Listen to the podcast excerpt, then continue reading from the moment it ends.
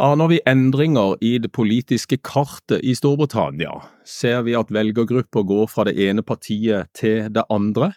Og hva skyldes disse endringene? Er det noe som skjer over tid, eller er det f.eks. brexit eh, som har eh, forklaringen på hvorfor det har skjedd velgerforskyvninger i Storbritannia? Velkommen til denne ukas episode av Pod Britannia. Mitt navn er Erik Mustad. Med meg har jeg som vanlig mine gode kolleger Øyvind Brattberg og Trine Andersen. We shall never surrender. The pride in who we are is not a part of our past.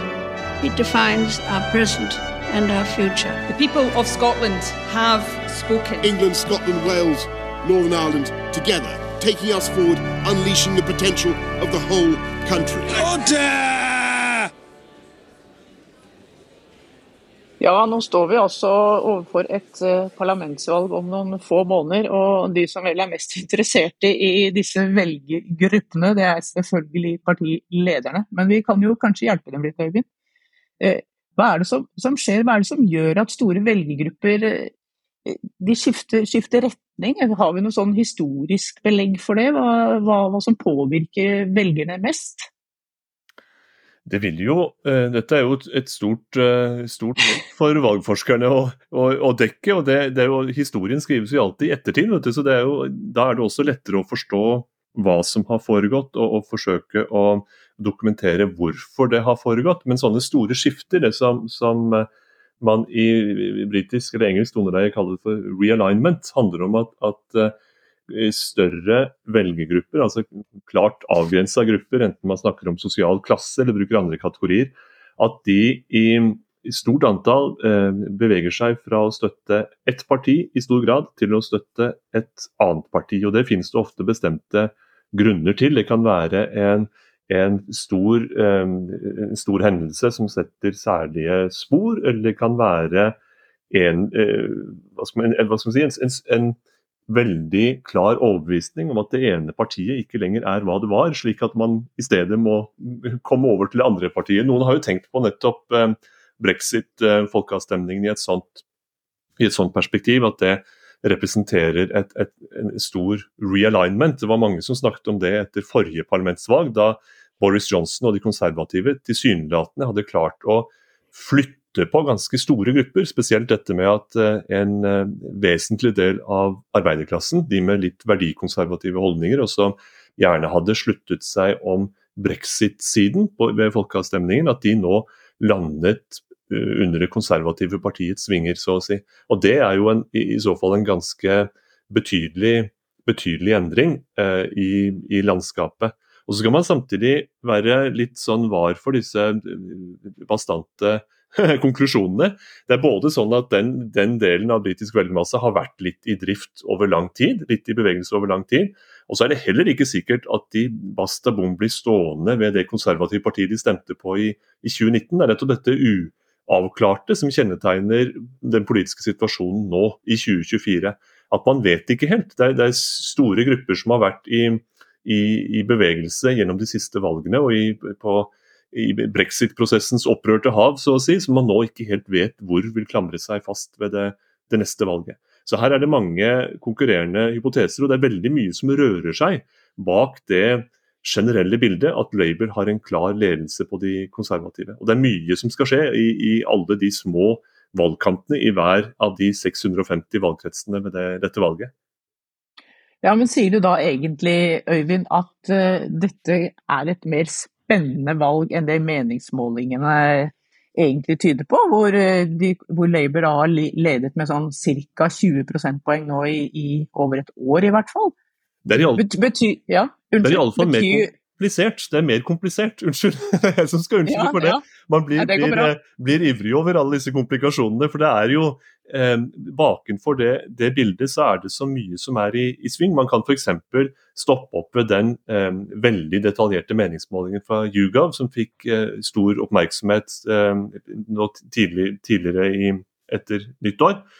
Eh, og der var jo det generelle bildet at Labour har et, et, ligger an til et kjempestort flertall og til å snu den politiske situasjonen på, på, hodet. Men så ligger det mye bak der. I hvilke kretser er det det dreier seg eh, enkelt og greit om et oppgjør mellom rød og blå. og Hvilke andre kretser er det liberaldemokratene som en styrket tredjepart kommer til, og enten splitter eh, de to, altså stemmegivningen mellom de andre to, eller man slutter seg om enten Labour eller liberaldemokratene. På høyresiden har man jo det gjenoppståtte reformpartiet, som er en slags forlengelse av, av brexit og UKIP-partiene til Nigel Farage, som på et vis suger livsblod ut av de, de konservative. Så det er veldig mye eh, posisjonering eh, her. Vi skal, vel, vi skal vel etter hvert ta en sving tilbake til, til et eh, tidligere omveltningsvalg i 1997. Og da var det et, et veldig tydelig bildet egentlig at man hadde et, et eh, fremadstormende Labour-parti, og så hadde man et, et kjempestort, i hvert fall betydelig liberaldemokratisk parti, som vel fikk 16 ved det, ved det valget. Og så å si alle deres velgere, i hvert fall et stort flertall av de, var veldig interessert i å få de konservative ut av regjering. Derfor hadde man et, en, et stort omfang av taktisk stemmegivning, sånn at velgere stemmer på det partiet, det av de to partiene som har størst sjanse til, til å vinne.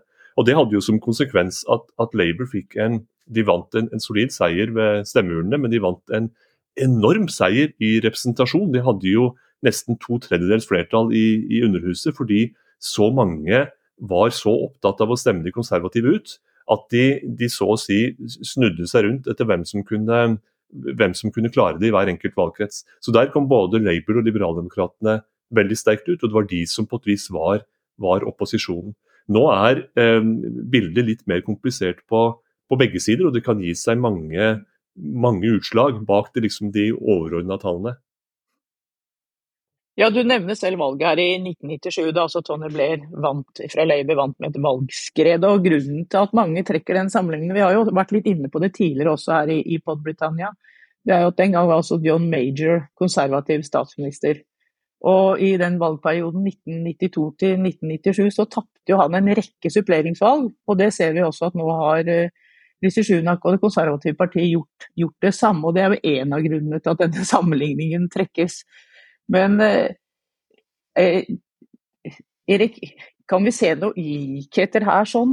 Nå snakker vi om hvordan velgergrupper beveger seg. Kan vi se noen likheter fra 1997 og fram til i dag, eller er det litt tidlig å si når ikke vi vet selvfølgelig valgresultatet denne gangen? Det er litt det som Øyvind er inne på, at historien skrives i etterkant av valgene, og da kan man se disse trendene. Jeg tror nok også Kier Stamer som Labour-leder nå er litt bekymra i forhold til en del områder og en del velgergrupper hvor de skal ende opp. Eh, så har vi jo snakka tidligere, som du sa, om, eh, om meningsmålinger og hvor godt Labour nå ligger an. Vi visste jo også i 1997 at Tony Blair kom til å vinne, fordi at eh, denne følelsen som Øyunn var inne på for å stemme ut de konservative, var kanskje sterkere enn å stemme inn Labour på det tidspunktet der. Vi er vel kanskje litt i samme situasjon nå, at ønsket om å bli kvitt de konservative står så sterkt i veldig mange velgergrupper at de stemmer Labour. Spørsmålet er om de da fortsetter å stemme Labour over tid. og Disse endringene vi så på 90-tallet og de vi har sett i det 21. århundre, befester seg pga. lange historiske trender, eller om det er disse eh, hendelsene i det 21. århundre som, som har gjort at velgergruppene beveger seg. Eh, det vi kan si er at den eh, svingen som vi kaller det, altså bevegelsen fra høyre til venstre, eh, i 97 var på ca. 10% i retning Tony Blair. Nå må Keir Starmer ha mer enn 12% sving fra det konservative og valget i 2019. og, og og, og, vinne da, for å vinne dette valget med en, en, god margin, sånn at han får en flertallsregjering. Det er en ganske stor sving, og det er den største svingen så vidt jeg kunne se siden begynnelsen av 1900-tallet. Så, så han, han har en del um, spørsmål enda som han må stille både seg selv og sitt eget parti i forhold til hvor solide er disse velgergruppene i forhold til lojalitet. Eh, og, og det, jo, eh, det, vet man jo aldri eh, når, når, valgdagen kommer. Det er mange ting som spiller inn her. Så det er litt vanskelig å, å sammenligne nå i forkant av dette valget, når vi vet hva som skjedde i 1997. Kan jeg bare skyte inn her at denne svingen som Erik refererer til, det er jo av de gudskjelov mindre kompliserte mattestykkene man kan utsettes for. for ja. Det er jo det ene av de store partiene går fram et antall prosentpoeng, det andre av de store går tilbake et antall prosentpoeng. Og så legger man eh, sammen de to bevegelsene og deler på to. Slik at man kan mm. si at rundt regna så har det ene gått 10 prosentpoeng fram, og det andre har gått tilsvarende tilbake. Og det, det, er jo riktig som Erik sier at det må jo et, en enorm forflytning til for at eh, resultatet skal se slik ut som, som, man mange forventer at det vil ved dette, dette kommende valget. Eh, og jeg tror Keir Starmer sin, sin idealmodell her er jo at, at liberaldemokratene i tillegg blir sterke nok til å ta en del konservative kretser i Sør-England spesielt. Og så tenker han vel tillegg, i tillegg da at eh, Det grønne partiet som er på fremmarsj, det vil først og fremst være sterke i kretser som Labour vinner uansett, så det har ikke så stor betydning. Det vil ikke endre noe på representasjonen. Og så håper man eh, til, til, til, syvende og sist også at dette reformpartiet fra, av, av, litt eh, høyrepopulistisk art, at det suger så mye støtte fra de konservative i veldig mange kretser utenfor storbyene at det jevnt over svekker de konservative nok til at Labour i mange sånne eh, kretser hvor det ligger jevnt, klarer å klatre forbi akkurat så det, så det, holder. Og Hvis man får summen av de bevegelsene, så ser det lyst ut for, for Starmer. og Det var vel det som ble antydet også i den veldig grundige meningsmålingen der, som gikk ned på dynamikken i, i de enkelte valgkretser. Men da er det mye som skal bikke i hans favør, og man kan utmerket godt se for seg et, en, et valg hvor Labour går betydelig fram, de konservative går betydelig tilbake. Men uten at man får noe rødt flertall i parlamentet av den grunn, for det er så mye som er i, i bevegelse her. Og Det handler litt om valgsystemet også, med disse 650 valgkretsene som, som vi også har vært inne på før. Eh, at eh, man, man, eh, får litt ujevnt utslag i, i, forhold til majoritet i Underhuset, og hvor mange som stemmer på de forskjellige partiene i eh, de 650 valgkretsene.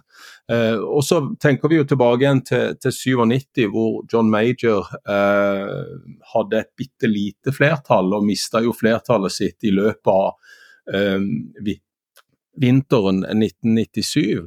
Eh, nå har jo de konservative et stort flertall, så derfor er jo også svingen mye større i forhold til sånn som det var i, i 1997. Fordi at 2019-valget ga jo en enorm oppslutning til eh, Boris Johnson og det konservative partiet, som vi også har snakka om her før.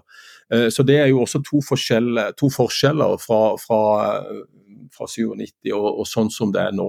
Så, så er, det er litt vanskelig å sammenligne direkte, fordi at disse store velgergruppene alltid er i, i, bevegelse. Og så er det jo da dette valget som vi også har vært inne på før, er kanskje det første såkalte normale valget etter brexit. Eh, hvis det er det. Spørsmålet er jo om det blir det. Eh, så, så fordi at mange av disse velgergruppene henger jo igjen i, i, eh, i brexit-symbiosen på mange måter. Eh, det så vi i 2019, og vi ser jo enda at etterdønningene av brexit er ganske store. Så Én ting er brexit, men her ligger der immigrasjon.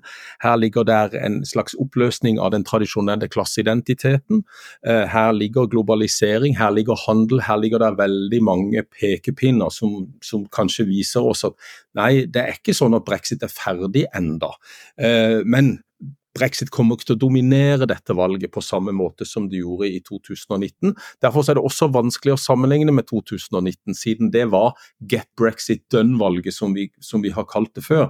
Eh, og, og, Dermed så får man kanskje andre utslag nå. Og, og, derfor, som Øyvind sier, er det så enormt mange av disse gruppene som er i bevegelse. Så spørsmålet er jo, har de vært i bevegelse lenge? Er det brexit som har gjort at noen av disse gruppene er mer i bevegelse enn andre? Så her er det mange spørsmål å ta fatt i etter valget, iallfall, som vi kan diskutere.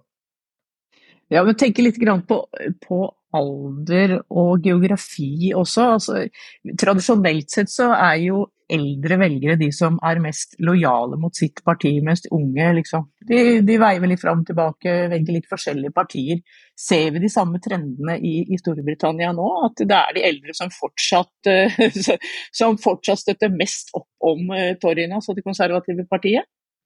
Hvis en ser på, på, gammel partilojalitet, eh, hvis en går tilbake igjen til, til før eh, Thatcher-tida, fra, fra 79 til 90, så har det nok vært mer stabilitet i eh, hvilke familier, hvilke områder eh, som har stemt de forskjellige partiene. Vi har jo tradisjonelt pleid å si at, eh, at Labour har stått sterkt i byer og disse industrielle områdene i Nord-England, deler av Skottland, i, i Wales osv., og, så og at de konservative har stått sterkt i, i mer velstående områder i, i sør i England. Eh, og, og, vi kjenner alle familier i, i, Storbritannia som alltid har stemt det ene eller det andre. Og så har vi jo sett, eh, og det er også tendensen i USA fra 80-tallet under Ronald Reagan der og Margaret Thatcher i Storbritannia, at velgerlojaliteten har gått litt på, på på kryss eh, og tvers og kryss og kryss og tvers, holdt jeg på å si. Eh, så det betyr jo at eh, en, en del endringer i, i, samfunnet på 80- og 90-tallet har gjort at velgerne går andre steder. De har ikke den trofastheten til partiet sitt som de kanskje hadde tradisjonelt. og Dermed så får da valg selvfølgelig helt andre resultat og utslag enn en, det de pleide å gjøre før, hvor det var mer forutsigbart i forhold til hvem som stemte hva.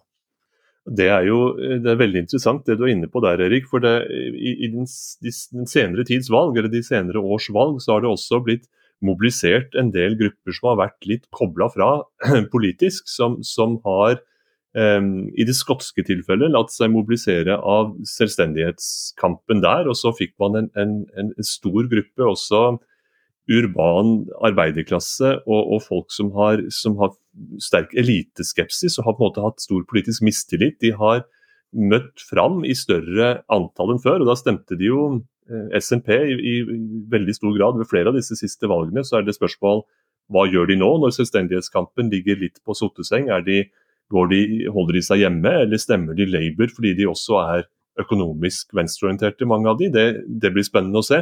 Og Tilsvarende i, i England så vakte jo hele brexit-oppstyret og folkeavstemninga i seg sjøl brakte jo fram i lyset mange folk som har vært kobla litt fra det politiske, ikke har trua på at de har, noe, de har noe der å gjøre, men som stemte ved folkeavstemningen. og så Overraskende nok så samlet en del av de seg bak Jeremy Corbyn i, i 2017, da det var en veldig sånn folkelig venstresidmobilisering. Og så gikk de videre til, til uh, Boris Johnson to år seinere. Hvor de går nå, det skal gudene vite. Det blir litt sånn brede penselstrøk, dette her, men det er et stort antall mennesker jeg snakker om, og som, og som dels også har vært litt koblet av og på det politiske. Så ved noen valg så dukker de opp i statistikken, i andre valg så er de hjemmesittere. Og Det viser jo litt eh, hvor store endringer som kan komme pga. disse forskjellige hendelsene også, som, eh, som, vi snakker om. Hva mobiliserer velgere, eh, og hva holder velgere fast eh, i forhold til lojalitet til ett parti. Eh, så, så, her er det mange bevegelser også i samfunnet som selvfølgelig gjør at velgere reagerer spontant politisk på et eller annet, og dermed endrer den politiske atferden. Eh, og, og, Vi har vært inne på immigrasjon, eh, økonomien som går opp og ned. Økonomi er jo alltid det viktigste spørsmålet i parlamentsvalg. Og folk er jo selvfølgelig som overalt ellers interessert i lommeboka og hva man kan få igjen fra det partiet eller det partiet i forhold til økonomisk framgang. Så her, her, er det eh, usikkert i forhold til hvor vi er nå med alle disse gruppene. Både i forhold til skotsk uavhengighet, i forhold til brexit og i forhold til immigrasjon. Altså alle disse spørsmålene, identitet som vi har vært inne på. Alle disse spørsmålene som styrer hvilken vei velgerne går. Det er jo også et, eh, et fascinerende poeng som vi kanskje vi er ikke så vant til å snakke om det i, i Norge, men i, i britiske valgforskere legger veldig vekt på det vi kaller for governing competence. altså om mange mm. nok, mange nok velgere tror at dette er liv laga, om det er en, et uh, parti og en, uh, en, kandidat som er uh, verdt å satse på, og som kommer til å hegne om landets interesser på en vettug måte, enten det dreier seg om, om økonomisk stabilitet eller om om å, å, berge helsevesenet og kontrollere migrasjon osv. Hvem, hvem har på en måte sunn fornuft og kapasitet til å gjøre det? Og det, Der er det nok også mer som er åpent enn vi eh, tenderer til å tro, holdt jeg på å si, når vi ser mediedekningen. For det, for det er vel ikke slik at Keir Starmer har vunnet den debatten en gang for alle, selv om han har et visst tak om uh, Rishi Sunak? Nei, og det, det har du jo helt rett i. Det, det er vel ganske viktig her hvem som sitter i Downing Street. Også, vi så jo det tross alt, selv om du sier eh, Erik, at 2019 var jo selvfølgelig et brexit-valg. Men det var jo egentlig et Boris Johnson-valg også. Fordi vi hadde Jeremy Corbyn på den andre siden. Da var jo de to personene utrolig viktige. Veldig mange orka ikke å stemme på, Cor på Corbyn mens eh, andre gikk over til Johnson igjen. Kanskje litt for enkelt å si det sånn, men eh, nå er det vel ganske mange som ikke orker tanken på å stemme på, på, på Sunak. De syns ikke han er uh, troverdig nok, rett og slett. Men gidder de å gå ut og stemme på Keir Stamer, eller si, gjør de som Øyvind Antin, sitter hjemme? Altså hjemme, den, den, gruppen som sitter hjemme, det er jo egentlig den største velgergruppen. Ja da, det er den største velgergruppa, og, og hvis vi har 65 eh, fremmøte ved britiske valg, så pleier vi å si at det er ganske bra. Eh, og Så har jo dette gått litt opp og ned i, i årenes løp, eh, avhengig av hva som står på spill i de forskjellige valgene. Eh, nå er kanskje Sunak og Starmer ganske like i personlighet, så og Sunak er jo en ung statsminister, han sitter ved makten i halvannet år. Eh, så, så, de er på mange måter litt ubeskrevne blad begge to, fordi at Sunak kom inn etter Liz Truss, hvor det konservative partiet har vært i nedgang, og har vært i nedgang lenge på meningsmålingene. Så han har jo aldri vært med på noe opptur, ikke Sunak. Så han har jo liksom ikke fått den statsminister-selvtilliten heller til å vise seg fra en veldig god side, kanskje, fordi at det har vært mye problemer både i det konservative partiet og ellers i det britiske samfunnet. Men det er jo dette her med å tenke nytt, og at det er en, en, eh, en ny dagsorden og ny tid. og man har en sånn følelse av at eh, nå er det noe som våkner til liv en gang for alle. Kanskje mobiliserer det disse hjemmesitterne i større grad enn, eh, enn det vi kanskje tror akkurat nå. Men eh, hjemmesitterne er den største gruppa, og, og, det så vi jo til en viss grad i 97 at Tony Blair klarte å mobilisere mange eh, etniske minoriteter f.eks. Kvinnene mobiliserte han også i større grad enn tidligere. sånn at det er en del grupper som da normalt ikke kommer til eh, stemmeurnene, de klarte han å mobilisere i 97. Ser ikke akkurat nå at Keir Starmer er i den samme mobiliseringsprosessen som Tony Blair og New Labour var på 90-tallet. Der har han kanskje en del å gå på i forhold til å prøve å motivere alle disse tradisjonelle arbeiderklassevelgerne, eh, som kanskje da er mer tilbøyelig til å sitte hjemme enn middelklassevelgerne, til å komme til stemmeurnene og gi sin stemme til Labour. Dette her gir jo også grunnlag for å, å, tenke litt på Det er litt av hvert å tenke på for de som skal gjøre mediedekning av det kommende britiske valget. At det ligger så mye kompleksitet og, og motsigelser og sånt til, til grunn. Av dette, dette, kommende valget. Og her har jeg en eh, utfordring å kaste tilbake til, eh, til dere. Dere får selv bestemme hvem som tar opp tråden. Men var det, var det vanskelig den gang? Altså med, hvis man trekker tidslinja tilbake til den tidlige Blair-epoken, hvor det i hvert fall i dag i historiens eh, lys virker så det virker som en ganske enkel sånn pendelsvingning, at dette kan vi alle, alle forstå. Var det liksom den dominerende eh, diagnosen også hvis man skrev ut analyser på stedet, så å si? Hva, hva, om hva det var som foregikk, hva slags bevegelse man sto, sto overfor? Erik, vil du ta opp den, eh, den ballen? ja. Jeg husker jo tilbake igjen fra 97, da vi var i London og, og, kommenterte valget. Så var det nok en usikkerhet i forhold til hvor stort flertallet kom til å bli. Og det knytta seg spenning til hvor mange som kom til å komme til stemmeurnene. Altså hvor stort fremmøtet kom til å bli. Um, den kjappe eh, tolkninga den gang var vel at eh, jo flere som kommer og stemmer, jo større kommer flertallet til eh, Tony Blair å bli. Fordi at i noen valgkretser kunne det tippe i, i favør Labour og dermed gi han ekstra seter i uh, Underhuset. Uh, vi var vel, som jeg sa tidligere, nokså sikre på at Labour kom til å vinne, men at, uh, at fremmøteprosenten kanskje hadde mer å si i forhold til hvor stort flertallet kom til å bli den gang, enn akkurat om man ville vinne eller ikke. Nå ligger det litt i samme leia i forhold til Keir Starmer, at de har, Labour og, og Starmer har leda pluss-minus 20% på meningsmålingene, som Trine sa, i et år og halvannet.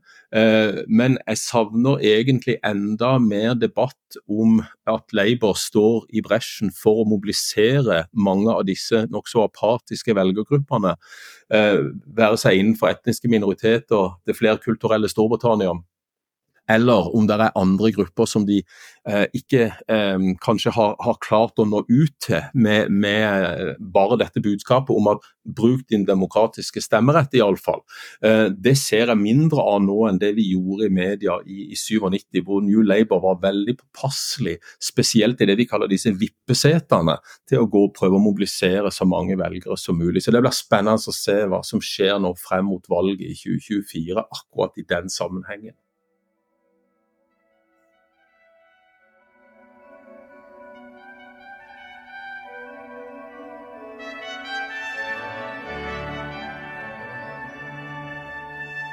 We shall never surrender. The pride in who we are is not a part of our past. It defines our present and our future. The people of Scotland have spoken. England, Scotland, Wales, Northern Ireland, together, taking us forward, unleashing the potential of the whole country. Order!